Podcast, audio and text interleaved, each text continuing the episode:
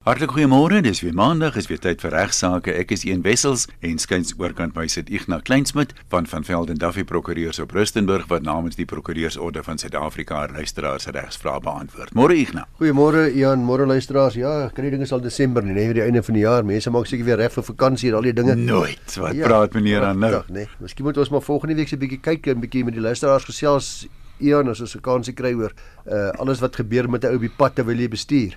Ons kan of dit doen of ons kan netjie kyk na wat kan 'n man doen as jy nou nêrens kan gaan en jy's alleen by die huis. Paar boeke voor voorstel of so. Ja, maar vandag wil ek kort bietjie kyk begin met 'n strafbare manslag as gevolg van roekelose nalatige bestuur. Een van die jong prokureurs daar by van Vellen Duffy, hy en Papenfoot het vir my kom sê het vir van hierdie saak kom sê en gedink sal goed wees as hy dit vir ons bietjie voorberei en hy het dit gedoen. Dis 'n appel vanuit die Durbanse streekhof dat die KwaZulu-Natal se plaaslike afdeling van die Hooggeregs van Pietermaritzburg is die saak van Moodley versus S.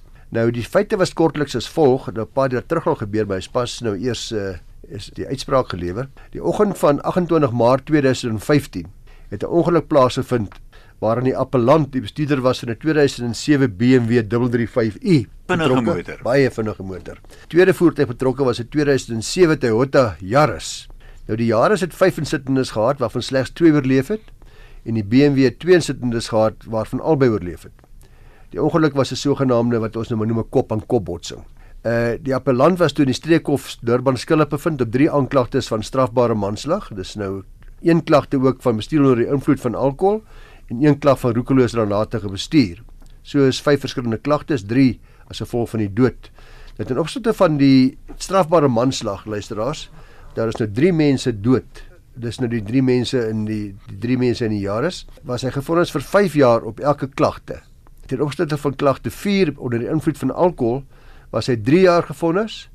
Ten opsigte van klagte 5 dis roekeloos nalatige bestuur slegs 2 jaar. Sy totale vonnistermyn was dus 20 jaar gevangenisstraf. Dat tydens die appel dit het nie saamgeloop nie terloops vir doelenis van vonnis nie. Tydens die appel het die verteenwoordiger van die appellant en die van die respondent saamgestem dat klagte 5 uh dis die roekeloos nalatige bestuur dit eintlik 'n ontoelaatbare duplisering was. Dit in elk geval 'n foutiewe vonnis was. Dit moes mm -hmm. van die hand gewys word, dis die 2 jaar. Ten opsigte van klagte 4 die dronk bestuur, het die appellantse regsverteenwoordigers aangevoer dat die staat nie daarin kon slaag om die saak per redelike twyfel te bewys nie. En andere weer, ag soos so baie keer deesdae gebeur, het die bloedmonster weggeraak was die staat se bewyse van dronkenskap net gegrond op die getuienis van die twee polisiebeamptes op die toneel. Daar was na die ongeluk, hulle kon nie sonder twyfel getuig dat die appellant se sleeptwong en sy bedwelmde toestand na die ongeluk nie dalk as gevolg van die ongeluk self kon wees nie. Volklik is daai skuldige bevinding ook tersyde gestel. So nou al wat nou nog oorgebly het is die drie klagtes van strafbare manslag. Uh ter opsigte van hierdie klagtes moes die staat redelike twyfel bewys dat die appellant nalatig die dood van die drie persone veroorsaak het en die staat het hoofsaaklik klem gelê op die omstandigheidsgetuienis wat aangedui het hoe die ongeluk daar plaasgevind het en indien dit dan nou bevind sou word dat die appellant wel nalatig was deur die dood van die persone veroorsaak het dan sou die skuldbevindings nie tersyde gestel word nie maar sou dit gehandhaaf word. In die verband het die getuie vir die staat aangevoer dat die ongeluk in die baan van die Jaris moes plaasgevind het. Dis nou die omstandigheidsgetuienis, niemand het dit gesien nie en dat die appellant nie veronderstel was om daar om daardie baan te ry nie en dat uh, en dat dus nalatig was. Die rede vir die gevolgtrekking was dat die skraapmerke waar die ongeluk plaasgevind het, begin het in die baan van die Jaris. Omdat die panele van motors eers skrape in die pad begin maak nadat die ongeluk plaasgevind het, was dit 'n goeie ander dat die ongeluk wel in die baan van die Jaris plaasgevind het. Die mense wat dood is. In die afwesigheid van enige getuienis toe die teendeel het die hof dus bevind dat hy wel nalatig was, die appellant en dat die skuldbevinding teen hom geregverdig was. Die appel was eintlik ook hierso teen die afsonderlike uitdiening van die vonnisse. Onthou, dit's nie dit's nie saamgeloop vir doen is vir vonnis nie, is 5 jaar elk vir al drie van die oorledenes, 15 jaar dus. En die hof bevind dat by motorongelukke, dis nogal baie belangrike beginsel wat ek dink hoekom ek gedink het hierdie saak moet bespreek word vandag met ons luisteraars, dat by motorongelukke 'n persoon gestraf moet word volgens sy graad van nalatigheid en nie volgens die gevolge wat sy nalatigheid veroorsaak het nie. Dan word as ek met 'n bus bots en daar's 50 mense dood en ek het ek presies dieselfde fout gemaak as wanneer ek dalk met 'n persoon sou bots en daar's niemand dood of een persoon is net beseer, my nalatigheid was dieselfde. Maak sin. Die gevolge was net dramaties anders. Ek gebruik altyd die voorbeeld van ek kyk na 'n mooi meisie se kort rok en op die sypaadjie loop en ek haal my oog 'n oomblik van die pad af. Jy's anders as ek. Ek kyk na die bene onder die rok. en nou ja, goed. en en ek kyk na haar en ek vir 'n oomblik trek sy my aandag en ek ry iemand se kinders dood. Nou as jy vra hoeveel mans, hoeveel redelike persone sou dalk ook net hulle oog oomblik in die sypaadjie julle gaan en daai die graad van nalatigheid is dit baie erg of nie? Sou daar verskil wees as ek drie kinders raak gery het teenoor my vonnis as ek net een van die kinders liggies beseer het. Ja, of jy kan ook kry, kom ons sê daar is 'n stootwaandjie met 'n tweeling in teenoor net een kind. Korrek, ja. So die hof maak nogal redelik in hierdie uh, uitspraak daarvan uh, melding dat die graad van nalatigheid gestraf word en nie net die gevolge dat dit nie die grootste oorweging is alhoewel dit ook na gekyk word. Hierdie ongeluk het 3 lewens geëis en gevolglik sê die hof jy was net een ongeluk Dis nie drie ongelukke wat drie afsonderlike lewens geëis het nie. Dit was net een ongeluk en daar was net een nalatigheid gewees. Dit is nie drie maal nalatig ja. nie. En daarom uh, moet die vonnis vir al drie klagtes gelyk uitgedien word en uh, dis is dit slegs 5 jaar gesamentlik wat uitgedien moet word. So die appel het dus deels geslaag en ook die klagtes 4 en 5 is tersyde gestel. Ja, dit dit maak sin. Ek, uh, ja, ek het nogal so. aanvanklik hier begin het gewonder daaroor. Goed, wat er is vir nog gebeur? Dan het ek 'n uh, briefie gekry. Lenet Fransis het die briefie dink ek vir jou gestuur, vir jou Ian, al 'n reële rukkie terug. 'n Gas van haar het dit vir haar gestuur en die gas se briefie lees as volg. Sy sê ek wil iets onder jou aandag bring vir bewusmaking, maar ook as gevolg van 'n vars pynlike ervaring tydens ons besoek in die Kaap in die gepaardgaande winkelsentrums het die talle onverskillige optrede van skoonmaak en veiligheidspersoneel teenoor die besoekers aan die sentrum my opgeval. 'n Week gelede is ek byna deur 'n veiligheidspersoon op 'n tweewiel glyfiets omgery toe ek uit 'n winkel gestap het. Hy het so 'n renjaar dig teen aan die winkeluitgang voortgesnel en het duidelik baie geniet. So naby aan my was hy dat ek die wind van sy spoed gevoel het. 'n Dag daarna het 'n skoonmaker in 'n ander sentrum ook met 'n spoed die strook teen aan die winkels met haar breë besem gevee. Na bewering het sy slegs op haar besem gefokus. Ek het uit die kleedkamers beweeg en oop ruimte in is vir my voete afgevee deur hierdie skoonmaker.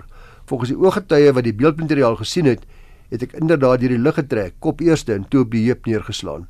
Daarna was dit ambulans ER, nou lê ek plat met 'n gebreekte uh, pubisbeen. Van vakansie is verby. My huis is 700 km weg in die Noord-Kaap.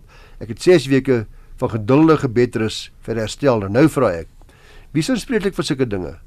Wie lê veiligheids- en skoonmaakpersoneel op ten opsigte van veiligheid en protokol? Hoe maak mense die winkelsentrums bewus hiervan? Is die ontwerp van 'n winkelsentrum ten opsigte van toiletuitgange in die besige straatverkeer korrek? Ek is eh, nie regtig bejaard nie, ek is 63, is regtig stapfiks, klein van bou, hoeveel te weer word 'n werklike bejaardes nie hieraan blootgestel nie. Luisteraars, die vraag handel dus met die siviele aanspreeklikheid van 'n winkelsentrum wat hulle kan opdoen wanneer byvoorbeeld 'n skoonmaker of 'n sekuriteitswag optree op 'n wyse wat skade veroorsaak aan 'n lid van die publiek op die sentrum se perseel. Uh die luisteraar sê dat sy amper deur 'n sekuriteitswag raak gery is, amper deur 'n skoonmaker onderste bo gevee is. Nee, sy is onderste bo gevee. Uh sy is in die hospitaal opgeneem en nou ja, daar's duidelike skade in hierdie geval. Nou as 'n uitgangspunt vir die bespreking is dit eerstens belangrik om melding te maak dat daar 'n regsplig bestaan winkelsentrums weet dit almal. Sy vra winkelsentrums daarvan weet personeel opgelê is. Ja, hulle weet daarvan. Hulle personeel word ook baie goed daarvan in kennis gestel. Hulle word opgelei ook. Hulle weet baie goed dat hulle 'n plig het om hulle sentrums veilig te hou verlede van die publiek. Kan ek net gou vinnig iets vra daaroor? Mense hoor dikwels dat hierdie skoonmaakdienste uitgekontrakteer ja, word. Ja. Dan is dit die werkgewer van die skoonmakers wat daai verpligtinge het Absoluut om seker so. te maak dit word veilig gedoen. Korrek. Baie goeie vraag. Dit sluit ook in dat eienaars of bestuurders ten minste die publiek moet waarsku teen alle potensiële gevare wat veroorsaak mag word uh, wanneer 'n lid op die perseel is. Uh sê byvoorbeeld nou ek moet een keer 'n dag skoonmaak. Dan sien jy oral sien hier sulke borde wat op die vloer is is nou nat. Besop, moenie nou hier loop nie.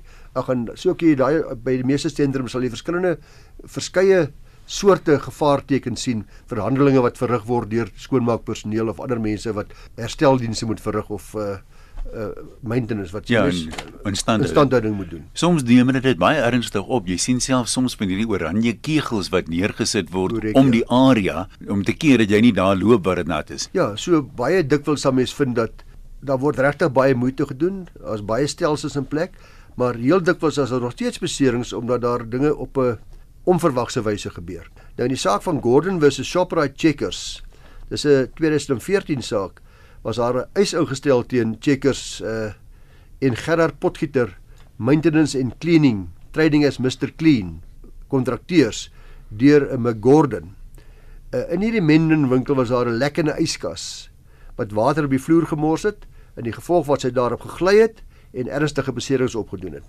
Die hof het bevind dat daar 'n plig op die winkeleienaars en die skoonmaakkontrakteurs was om die omgewing veilig te hou vir die publiek en is haar eis toe toegestaan.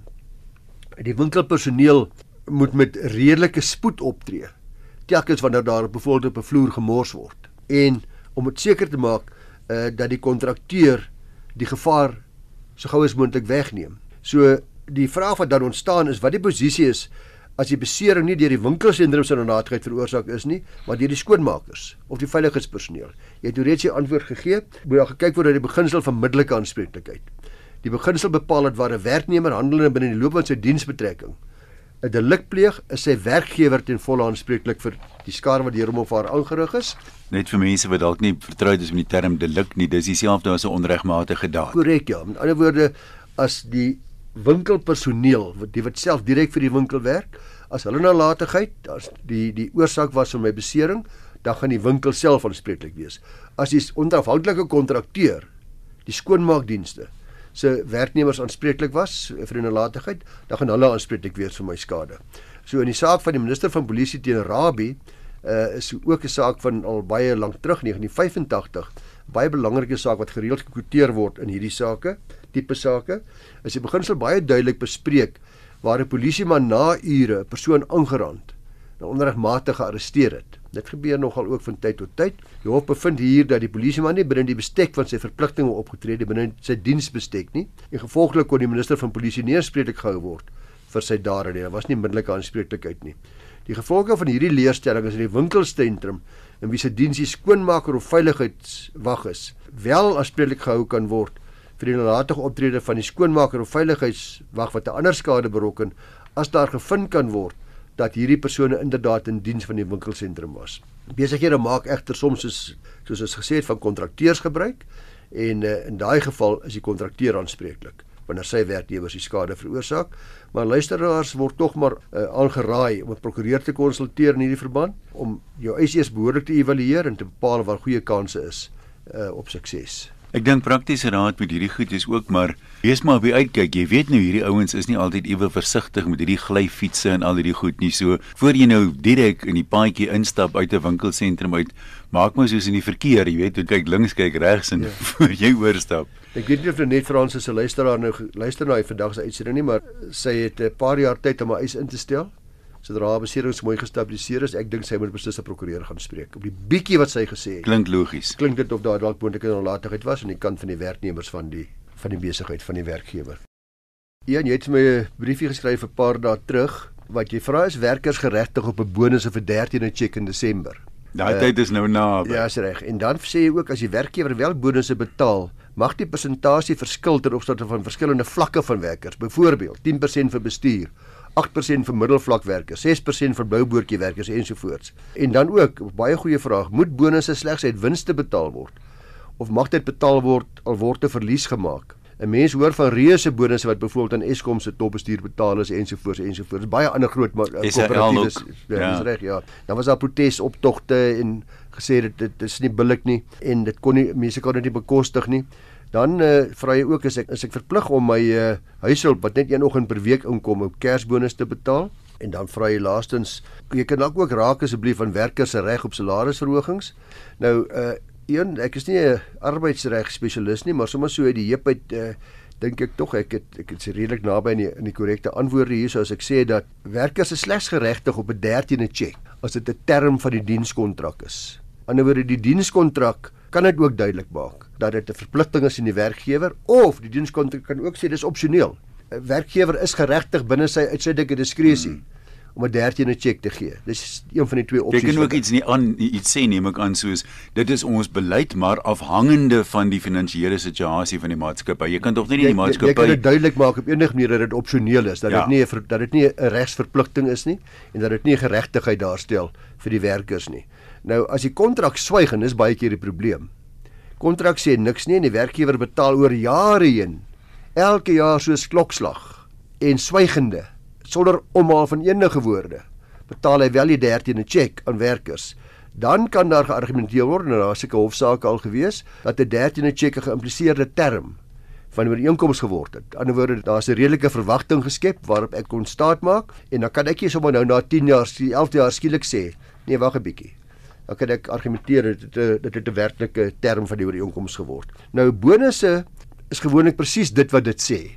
Dis feitelik altyd suiwer opsioneel feitelik altyd suiwer binne die absolute diskresie van die werkgewer. Is 'n bonus. Uh, by sommige werkgewers mag daar formules bestaan waar volgens hierdie bonus bereken word. Byvoorbeeld ons het soveel produksie gelewer hierdie jaar of julle afdeling het die hele veiligheid het so goed opgeskerp ja, daar was nie voorvalle gewees nie. teken oorskry met soveel persent so korrek daar mag allerlei formules wees maar dis normale praktyk om te sê dat dit is altyd suiwer diskresionêr.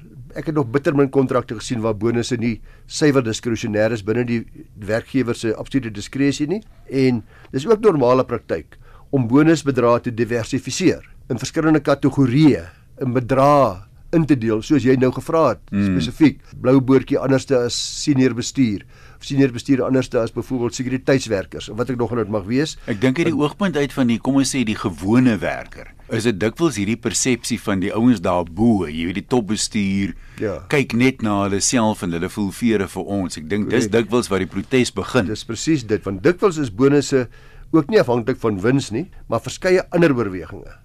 Ek het nou een genoem, sê byvoorbeeld die veiligheidsprestasies of die die produksieprestasies.